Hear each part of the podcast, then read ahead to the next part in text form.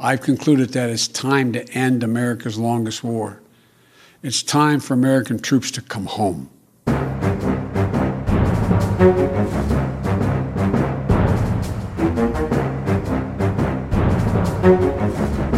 Da kjører vi på med en ny episode av Aftenpodden USA, og som vanlig, med oss er Kristina Pletten, men ikke fra Oslo denne gangen. Hvor er du for et spennende sted i verden, Kristina? Jeg er i veldig spennende og eksotiske Bergen by, som i dag har første ordentlige sommerdag med 18 grader og sol. Jeg må bare oi, si det. Oi, oi, Det må du bare få gnidd litt inn. For jeg, da, eh, Øystein Langberg, er i Minnesota. Og her er det nå null grader og ganske kaldt og litt sånn snø i lufta. Så jeg har ikke truffet riktig. Men det er jo et veldig sånn typisk sted for en nordmann å reise. da. Jeg var på fly, og der heter jo folk Bengtsson og sånn. Det var sånn jentelag som driver med da, fotball, europeisk fotball. Som da var på flyet fra, fra New York til Minneapolis med meg. Så det er eh, det norskeste av det norske. Ja, eh, Minnesota er jo eh, kjernen i det norske Amerika, utrolig nok, da.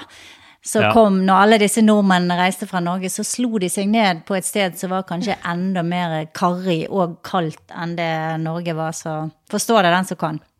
Forstå den som kan, det er så kaldt her at de har bygget et sånt system nede i sentrum her. av sånne, sånne Skyway-system kalles det. Det er sånne slags broer som går mellom alle bygningene. Så når det er vinter her, så slipper man å gå ut. Så i stad tok jeg meg liksom en spasertur en, noen kvartaler nedover sentrum for å spise lunsj, uten å gå ut i det hele tatt. Så de har jo gjort noen, eh, noen oppgraderinger da, fra sånn som Norge er, de som flytta hit. Det var kanskje smart. Men Øystein, er det så skummelt og eh, bråkete i gaten at du må liksom gå på disse gangene over fordi du er redd for å ferdes ute, eller hvordan er det? Nei, for det, grunnen til at jeg er her, er jo denne rettssaken mot Derek Chauvin, og at den er egentlig inne i sluttfasen nå. ikke sant? Det er George Floyd-saken, litt under et år siden, siden George Floyd døde på asfalten. Det er jo ikke så langt unna her, det heller.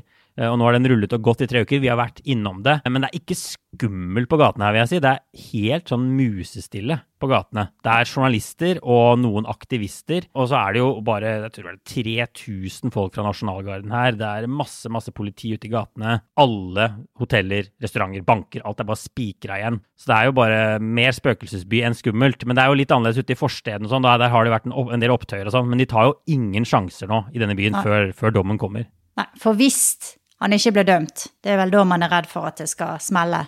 Ja, ikke sant? Derek Chauvin er tiltalt for, for drap, og han er tiltalt for liksom Han er tiltalt på tre ulike punkter, egentlig.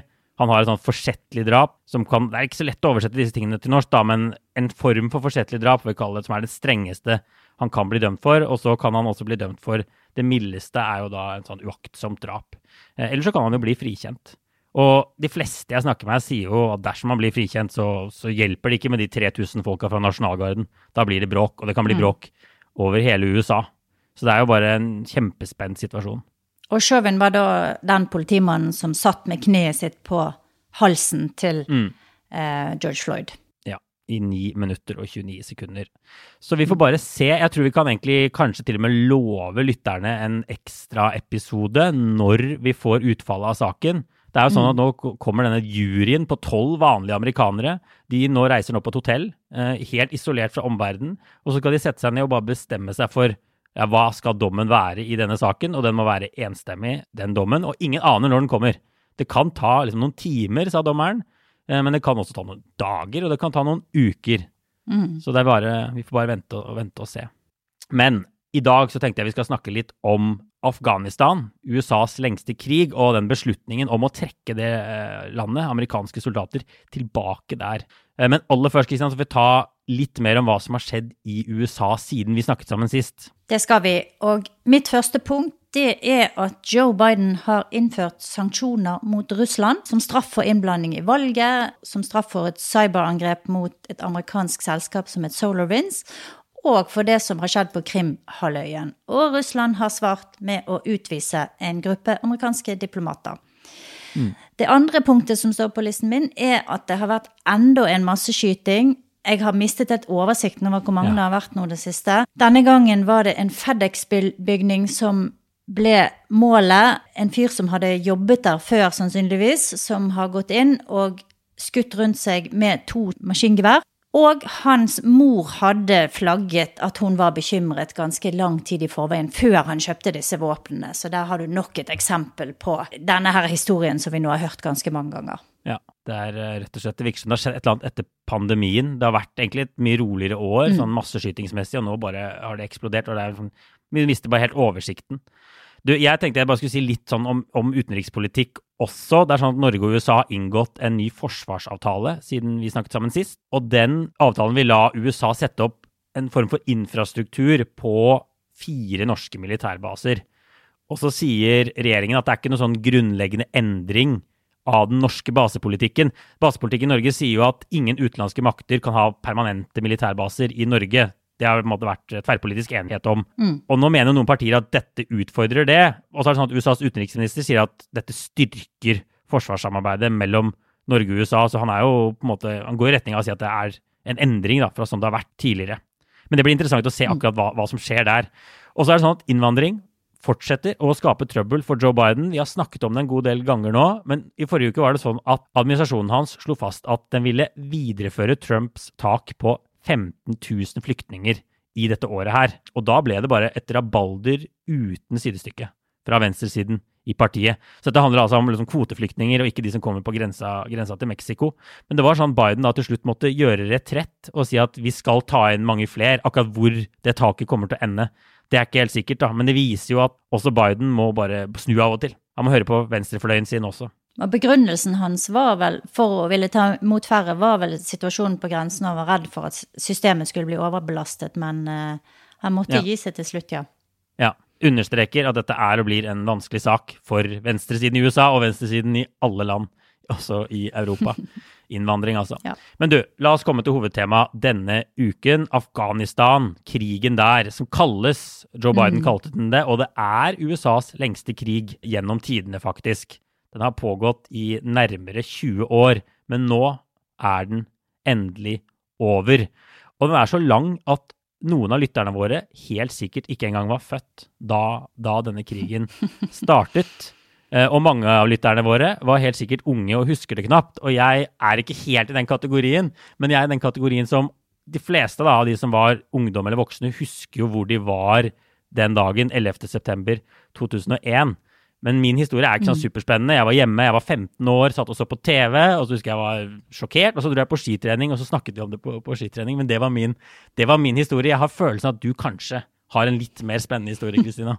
Ja, altså jeg var jo på jobb i Bergens Tidende, som jeg jobbet i den gangen. Og eh, det var liksom på slutten av dagen, dette skjedde jo klokken ni, rundt klokken ni amerikansk tid i New York, så det var rundt klokken tre, så dagen var litt sånn på hell. Og en av kollegene mine kom inn og sa du, det ser ut som det er et fly som har krasjet inn i World Trade Center, men jeg stikker, ha det bra. Og så dro, gikk jeg inn eh, i, liksom på desken der, og så hang det TV-er, og så så jeg at folk begynte å samle seg rundt fjernsynene, og så sto vi og så på når det andre flyet krasjet inn i det andre tårnet, som var vel, eh, jeg vet ikke, en halvtime seinere eller noe sånt. Og da skjønte vi at eh, her skjer det noe stort. Og det hadde nettopp vært norsk valg, så det var liksom en helt sånn kaotisk stemning. Og så begynte jo det å rase inn med tips. Det var jo ett fly som gikk mot Pentagon, som krasjet i Pentagon, men som ikke så gjorde så stor skade. Ett fly som krasjet på et jorde i Pennsylvania. Og det var også, kom også rapporter om flere andre fly. Eh, Flytrafikken ble stanset over hele Stillehavet. Det var liksom en sånn, det ble en sånn Armageddon-stemning nesten. altså Det var veldig, veldig skummelt. Jeg husker alle var kjemperedde. Vi hadde jo ikke et utbygd internett sånn som vi har nå. Sånn, ting gikk seint. Det var internett, men det var liksom ikke like eh, Det var ikke oppdatert, det fantes ikke Twitter. Det var ikke sånn at ting kom liksom ut med en gang, da, all informasjon. Så det vi hadde, var jo egentlig masse folk som drev og filmet disse her tårnene som som brant og etter hvert kollapset direkte, og folk som hoppet ut av vinduene, og det var eh, det er fortsatt, tenker jeg, det mest sånn skjellsettende og eh, skumleste dagen jeg kan huske i, i min karriere som, som journalist. Og så gikk det liksom Ja. noen timer, og så bestemte de seg for at jeg og en fotograf skulle reise av gårde til USA. Så eh, det er sånn som jeg, en dag som jeg aldri vil glemme, for å si det sånn. Relativt tomt på flyet, da, sikkert over til USA fra Norge da? Det gikk ikke fly fra, fra, Norge til USA. Vi måtte fly til London, og så satt vi på Heathrow og ventet, tror jeg, i kanskje halvannet døgn. Sammen med tusenvis av andre mennesker som ikke kom seg noe sted fordi at flyrommet var stengt over hele USA. Så kom vi på det første flyet faktisk til Canada, eh, til Toronto og fløy på første klasse. Dette var den gangen avisene hadde veldig god råd. Så jeg husker min billett, min ene billett, enveisbillett, kostet 50 000 kroner i 2001. Og så kjørte vi ned til eh, New York derfra. Så det var liksom en veldig sånn eh, knotete Det var knotete å komme seg dit, og alt var veldig sånn unntakstilstand. Og ingen var jo helt sikker på hva dette her var. Sant? Hvem som sto bak det, og hva som egentlig og, Og hvor stort det egentlig var. Ja, og etter hvert så, så, så forsto man jo litt mer om hvem som sto bak dette angrepet, og det var et navn som Osama bin Laden og Al Qaida som plutselig var på alles lepper, og det samme med landet Afghanistan. Og det tok jo ikke så veldig lang tid før man hadde en måte en invasjon på trappene av det landet, og med en ganske sånn stor internasjonal backing. Det var sånn at de hadde et FN-mandat til å gå inn, de hadde Nato-ryggen til å gå inn. Og det var sånn at den invasjonen som til slutt kom, jo egentlig var ganske sånn vellykket helt på starten. De oppfylte egentlig de målene de hadde om å ta hovedstaden i Afghanistan ganske kjapt, kaste ut Taliban. Ja, de gjorde det. Og så skal vi huske på her er det to størrelser. Det er Al Qaida, som er en terrororganisasjon, og så er det Taliban, som var den styrende gruppen i Afghanistan. Og det amerikanerne mm og de allierte styrkene egentlig var ute etter, var jo Al Qaida og Osama bin Laden som hadde stått bak dette angrepet. Og så var det fordi Taliban beskyttet dem og lot de få være og planlegge og drive sin terrororganisasjon fra Afghanistan, at de gikk inn i det landet. Så det er egentlig litt sånn Osama bin Laden er jo opprinnelig, eller var opprinnelig fra Saudi-Arabia. Så dette her er, var en litt sånn komplisert materie allerede da. Og skulle jo bli mye, mye vanskeligere og mye mer eh, komplisert enn kanskje noen hadde forestilt seg når de gikk inn den gangen. Ja, Ingen hadde vel forestilt seg at dette skulle ta 20 år. Og det var sånn som du sier, at, at begrunnelsen i starten var å trygge USAs sikkerhet. Vi må ta litt sånn hevn, ikke sant. Vi må, vi må ta de som står bak dette brutale angrepet som jo snudde verden på hodet i løpet av noen timer 11.9. Mm. Men så etter hvert så, så, endret det seg litt. Man fikk aldri liksom, slått Taliban ordentlig på, på, slagmarken. Man fikk liksom pressa de ut av hovedstaden, ut av de store byene, men, men de holdt jo fortsatt fast oppe i fjellene der. Og så var det også sånn at man etter hvert, når man jo hadde slått dem og på en måte oppfylt det første målet sitt, så endret man litt sånn begrunnelse for hvorfor man var der. I Norge har vi hørt masse om utdanning av jenter, man skulle bygge stat, man skulle stabilisere økonomien, ja. ikke sant. Man fikk et mye mer sånn bredere oppdrag etter hvert, og så begynte årene mm. å gå. Og så sto man der da, med, med masse soldater, og, og, og, pengene rant ut. Ja. Og så var det sånn, vi kan bare ta det, altså, så var det sånn, og så kommer jo Barack Obama og tar over for, for George Bush. For George Bush var jo president da angrepene 11.9. Mm. skjedde. Obama tok over i januar 2009 og ble satt i en sånn veldig vanskelig situasjon. Allerede da var det snakk om skal man trekke seg helt ut, hva skal man gjøre i Afghanistan? Ja, og eh, Obama valgte jo til slutt å gå motsatte vei og gjennomførte en såkalt surge, der han sendte en masse soldater inn for å prøve å på en måte endelig avslutte krigen. Og eh, det gikk jo heller ikke så ja. bra. Og det du snakker om, at de begynte med en slags sånn nasjonsbyggingprosjekt, der de skulle utdanne politi og militær, og de skulle installere et slags demokrati, de skulle gjennomføre valg, i et samfunn som var jo så primitivt på enkelte områder, i hvert fall. Og som hadde ble jo mm. kalt for The Graveyard of Empires. I 2000 år har forskjellige nasjoner og folk forsøkt å innta Afghanistan og legge det for sine føtter uten hell. Eh, så at eh, amerikanerne og de allierte heller ikke skulle lykkes, er egentlig ikke så rart. Og det ble jo bare en sånn uendelig, et uendelig pengesluk og et også et eh, sted der mange ble skadd og mistet livet, inkludert nordmenn. Mm. 2400 amerikanere eh, som har blitt drept i Afghanistan. Og det har også kostet mer penger å prøve å bygge Afghanistan eh, etter 11.9. enn det kostet å bygge opp igjen Europa etter andre verdenskrig. Så da kan man sjøl tenke seg hvor dyrt dette her, eh, denne egentlige hevnaksjonen har vært. da. Ja. Og så var det sånn, hvis vi bare tar ferdig historien frem til i dag ikke sant? Obama økte styrkebidraget kraftig, opp til 100 000 soldater sendte han til Afghanistan, og så tok de det ned etter hvert. Men den store på en måte, seieren kom jo i 2011, da de greide å ta uh, Osama bin Laden til slutt. ikke sant? Etter ti mm. år. Og han var da selvfølgelig ikke i Afghanistan, men i Pakistan. Uh, og det skjedde med sånt raid med spesialsoldater, en, en, en, en sånn fascinerende, fascinerende historie. Men så har det gått ti år til. Og så kommer vi frem til i dag, og Joe Biden mm. er president, og han kommer da, det var i forrige uke, med denne beslutningen om at nå er det endelig på tide å få oss ut av dette landet. Det er ikke 100 000 amerikanske soldater der lenger, det er 2500 eller 3500. Det spørs litt hvordan man måler, og det er ikke helt klart akkurat hvor mange det er. Men Biden kommer altså ikke, han sier ikke bare at de skal ut, han sier at de skal være ute innen 11.9.2021, altså 20-årsmarkeringen for eh, 9-11-angrepene. Og han sier at vi skal Vi trekker oss ut på en måte uansett hva som skjer. Det er ikke noen betingelser, sånn som en del hadde ønska seg, om at Taliban skal gjøre sånn og sånn, forhandle om fred sånn og sånn. Han sier vi mm. drar nå. Nå er det over. Ut. Det var en veldig mm. sånn klar og tydelig, klart og tydelig budskap, var det ikke det? Jo, veldig. Og eh, Trump-regjeringen hadde jo forhandlet frem en slags avtale med Taliban og hadde satt uh, mai i år som uttrekkingsdato.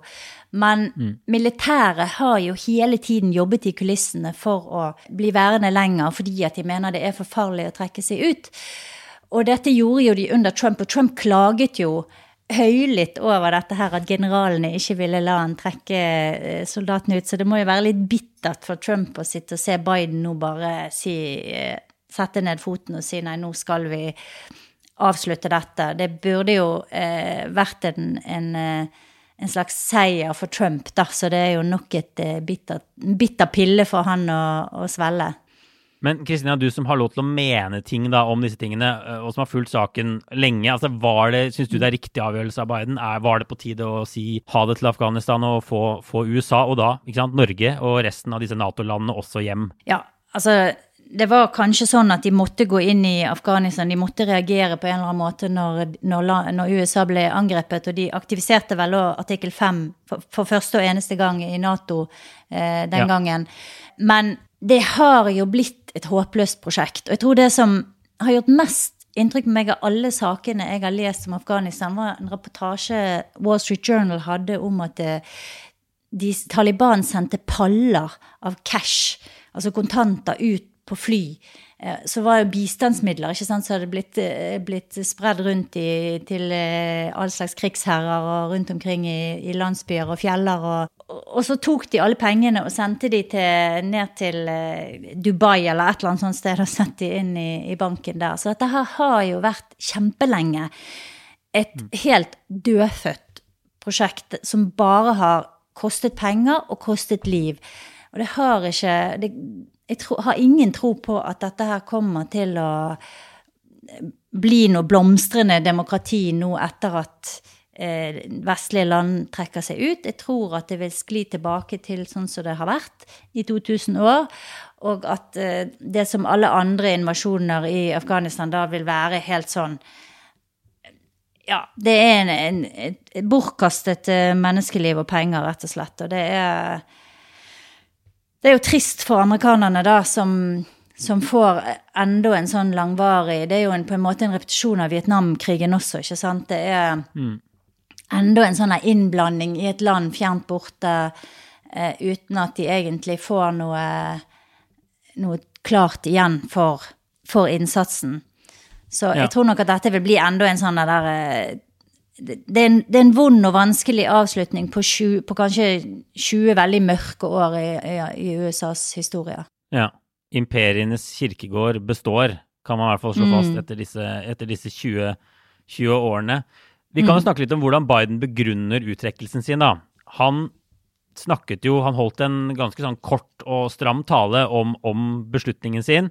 Eh, og han går egentlig tilbake til til starten og sier hvorfor går vi inn? Jo, vi skal sikre at Afghanistan ikke blir en mulig base for angrep på USA. Det var det opprinnelige målet. Det har vi på en måte gjort. Det gjorde vi med en gang. Og så snakker han litt om alle disse andre tingene som han etter hvert utvidet oppdraget til å handle om. Men han mener at det er dette det til syvende og sist må handle om. Og når man har klart det, så må USA USA hjem. Og man kan alltid argumentere for at man skal bli der litt lenger. Han sier jo det er ett år, fem år, ti år. Men det betyr jo egentlig at man skal bare være der på ubestemt tid. For man har jo forsøkt masse ting. Vi snakket om Obama, 100 000 soldater. Det var jo ikke, ikke svaret. Man har forsøkt andre ting, trene opp, trene opp dette landet. Det, det, det på en måte har ikke gått, gått, fremover. Jeg tror det var Maureen Dowd, som kommentator i, i, New York Times, som skrev at man starter på en måte på scratch hvert eneste år. Det er veldig vanskelig å se noe fremgang. Man gjør de samme feilene. Mm. Det er den samme sirkelen om og om og igjen. Ja. Og så er det jo også andre som argumenterer for at terrorfrykten, som kanskje er det sterkeste argumentet for å faktisk bli værende med en liten styrke, at eh, terrorfaren er noe større fra andre land. Al Qaida har bl.a. etablert seg i Jemen, mm. et annet land som er en eh, en verkebyll.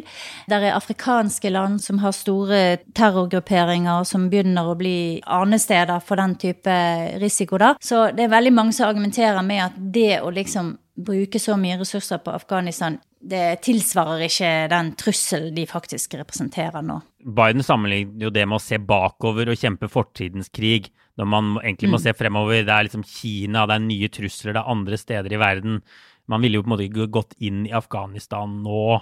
Men det, altså det er en, likevel en, en, vanskelig avgjørelse. Jeg tror Obama også ønsket, han skriver i hvert fall det i boka si, sånn, han så helt klart store oppsider med å trekke seg ut fra Afghanistan allerede i 2009, da han tok over som, som president. Og det var interessant, han sendte jo Biden på en sånn tur da Biden var visepresident, og Biden har jo hele tiden ment at de må ut. Han har, han har hatt disse argumentene klare siden 2009, og det er jo også, også eh, Obama ærlig på i boka si. Han var en av de få som, som, stilte, som sto opp og sa vi burde, vi burde gi oss nå. Han ba Obama om å liksom vise mot overfor, overfor generalene. Er det det Biden har gjort nå? Mot overfor generalene? Absolutt. Og New York Times har jo en fantastisk sak der de beskriver en scene i Det ovale kontor der forsvarsminister Lloyd Austin og forsvarssjefen Mark Milley prøver å overtale Biden til å bli værende, og svaret er bare kontant fra presidenten nei. Og de spør igjen ja, skal vi forstå deg sånn at ja, dere skal forstå det sånn. Svaret er nei, vi skal ut. Og det er jo eh, kanskje også nok et eksempel på at Bidens erfaring han, eh, New York Times skriver han har sittet gjennom hundrevis av brifinger om Afghanistan-krigen som, som, ikke sant, bare er det samme om igjen og om igjen og ingen fremgang. Så hans lange erfaring og hans innsikt i hvordan disse prosessene fungerer, tror jeg har bidratt til at Biden kunne sette ned foten og bare si nok er nok.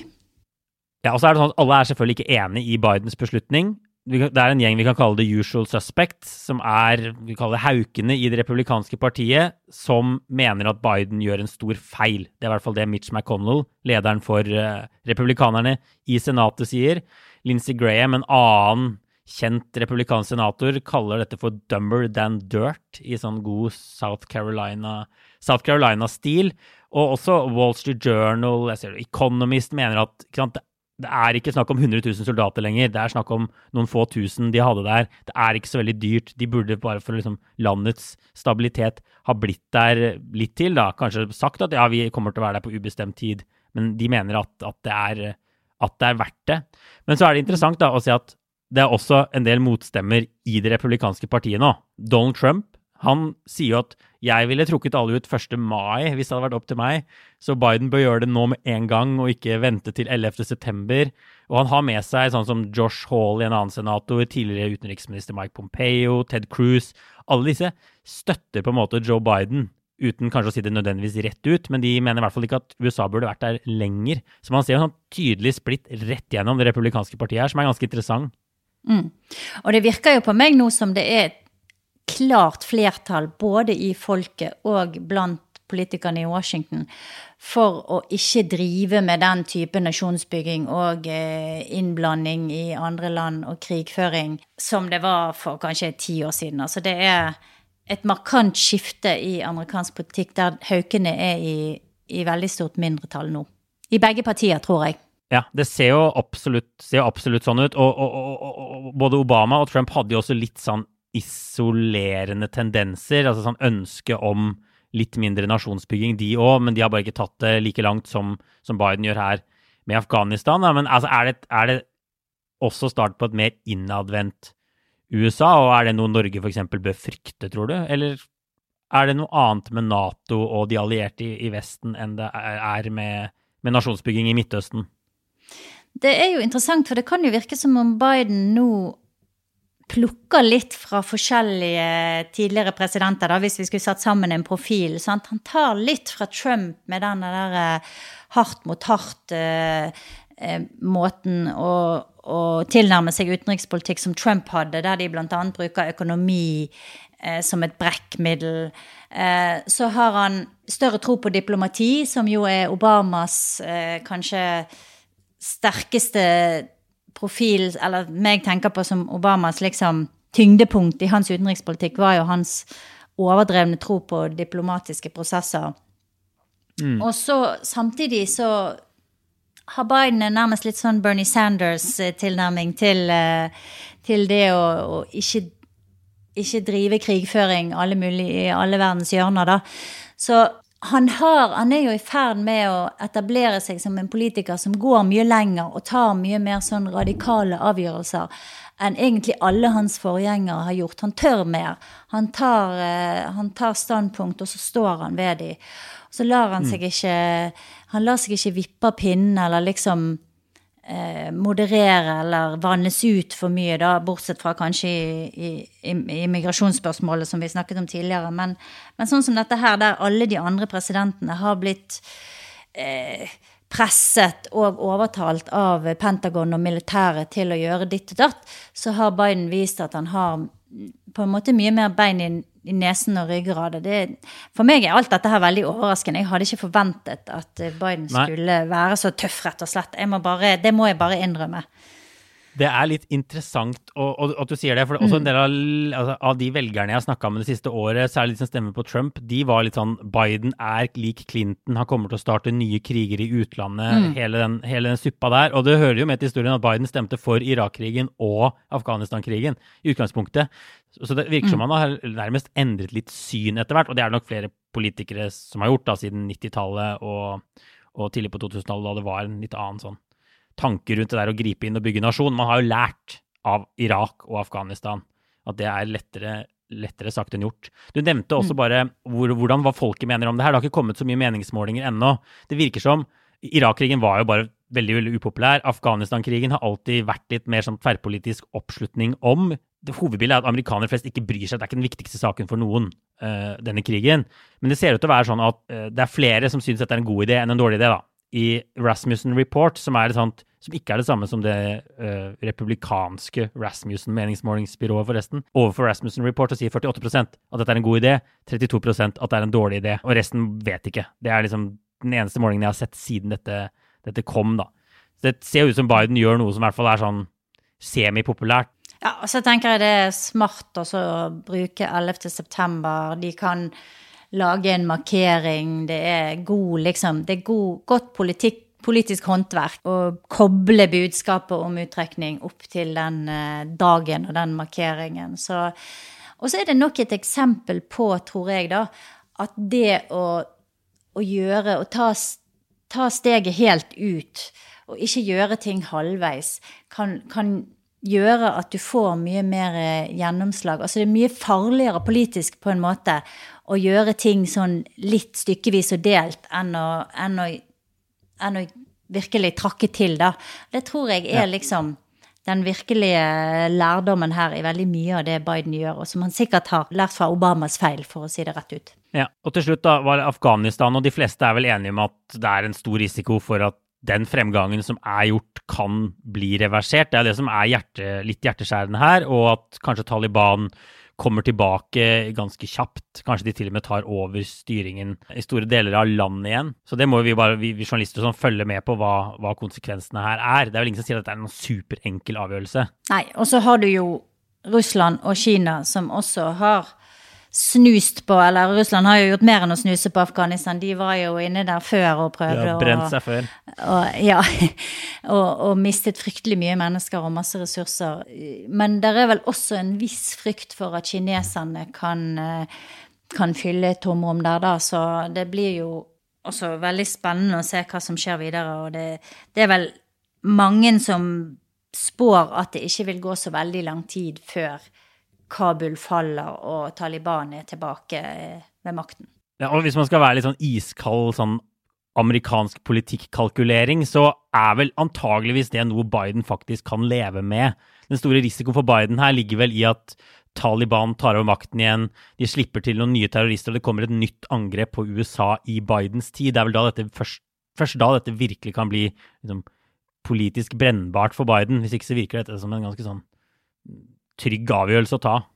Mm. Dessverre, da, selv om, selv om det skulle gå dårlig med Afghanistan. Ja, absolutt. Og så kan man jo si at det, det kan jo komme alle mulige slags terrorangrep. Det kan jo sitte eh, IS-celler i USA allerede, eller Al Qaida-celler. Det kan man jo ikke vite, men jeg tror, jeg tror det er en eh, Som politisk sett tror jeg det er veldig lite risiko forbundet med dette for Biden.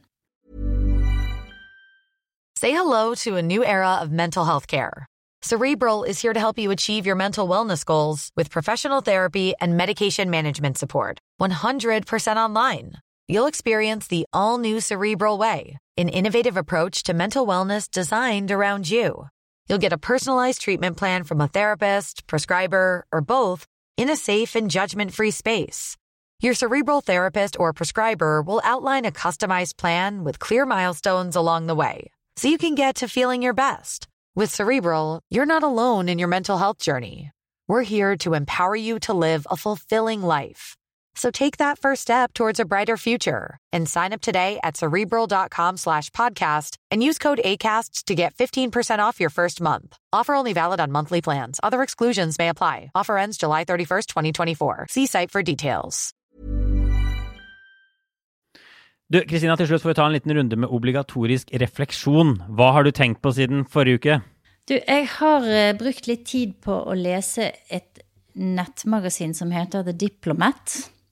Uh, og jeg begynte Jeg har egentlig ikke lest det før, men jeg uh, kjekk litt i det i forbindelse med research som jeg gjorde på The Quad, altså denne nye alliansen som USA har inngått med Japan, Australia og India.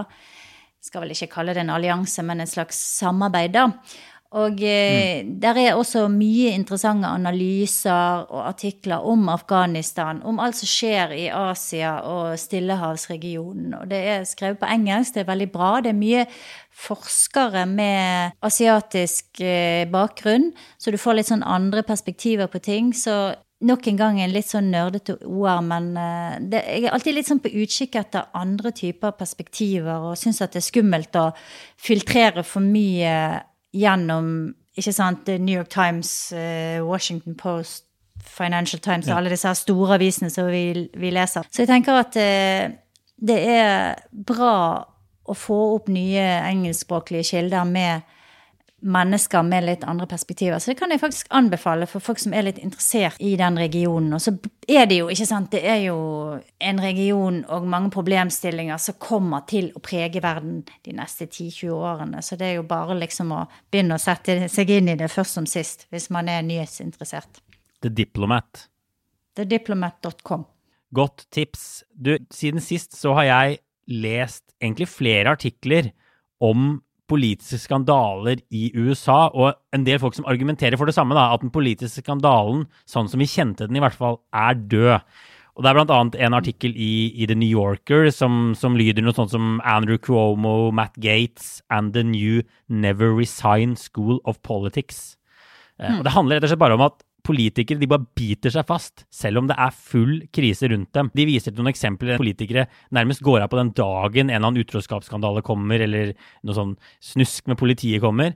Mens nå så er det sånn, disse to gutta, da, Andrew Cuomo, guvernør i New York, og, og Matt Gates, som er eh, kongressmedlem fra Florida, mm. de, de bare rir stormen av isteden.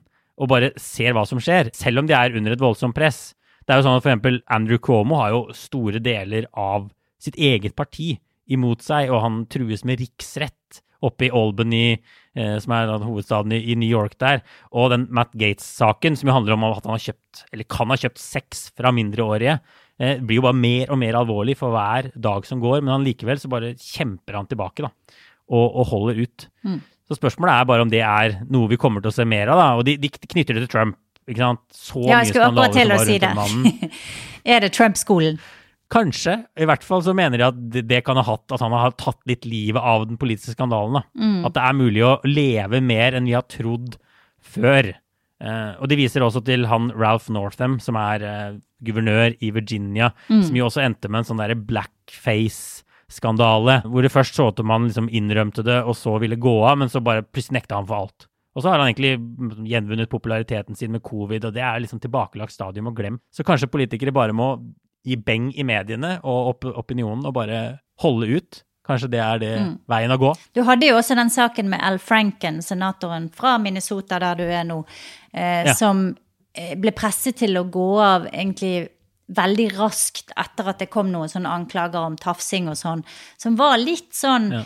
Det var ikke den, mest soleklare saken, og det har jo også blitt et sånn eksempel på det motsatte. En som ble å av for fort, da, og der folk har spurt seg etterpå var dette riktig, burde vi ha ventet litt. Så det, det kan godt hende det at den Men det er jo litt kjedelig for oss hvis den politiske skandalen er død, da. Det er litt kjedelig for media. Og kjedelig, kjedelig hvis det liksom sprer seg til Norge og sånn. Men jeg, jeg vet ikke om vi skal si at det har gjort det. Men jeg må jo si at, at Solberg har, Erna Solberg har vist litt sånn tendens til at hun, hun også, og noen av statsrådene, bare biter seg litt fast og holder ut.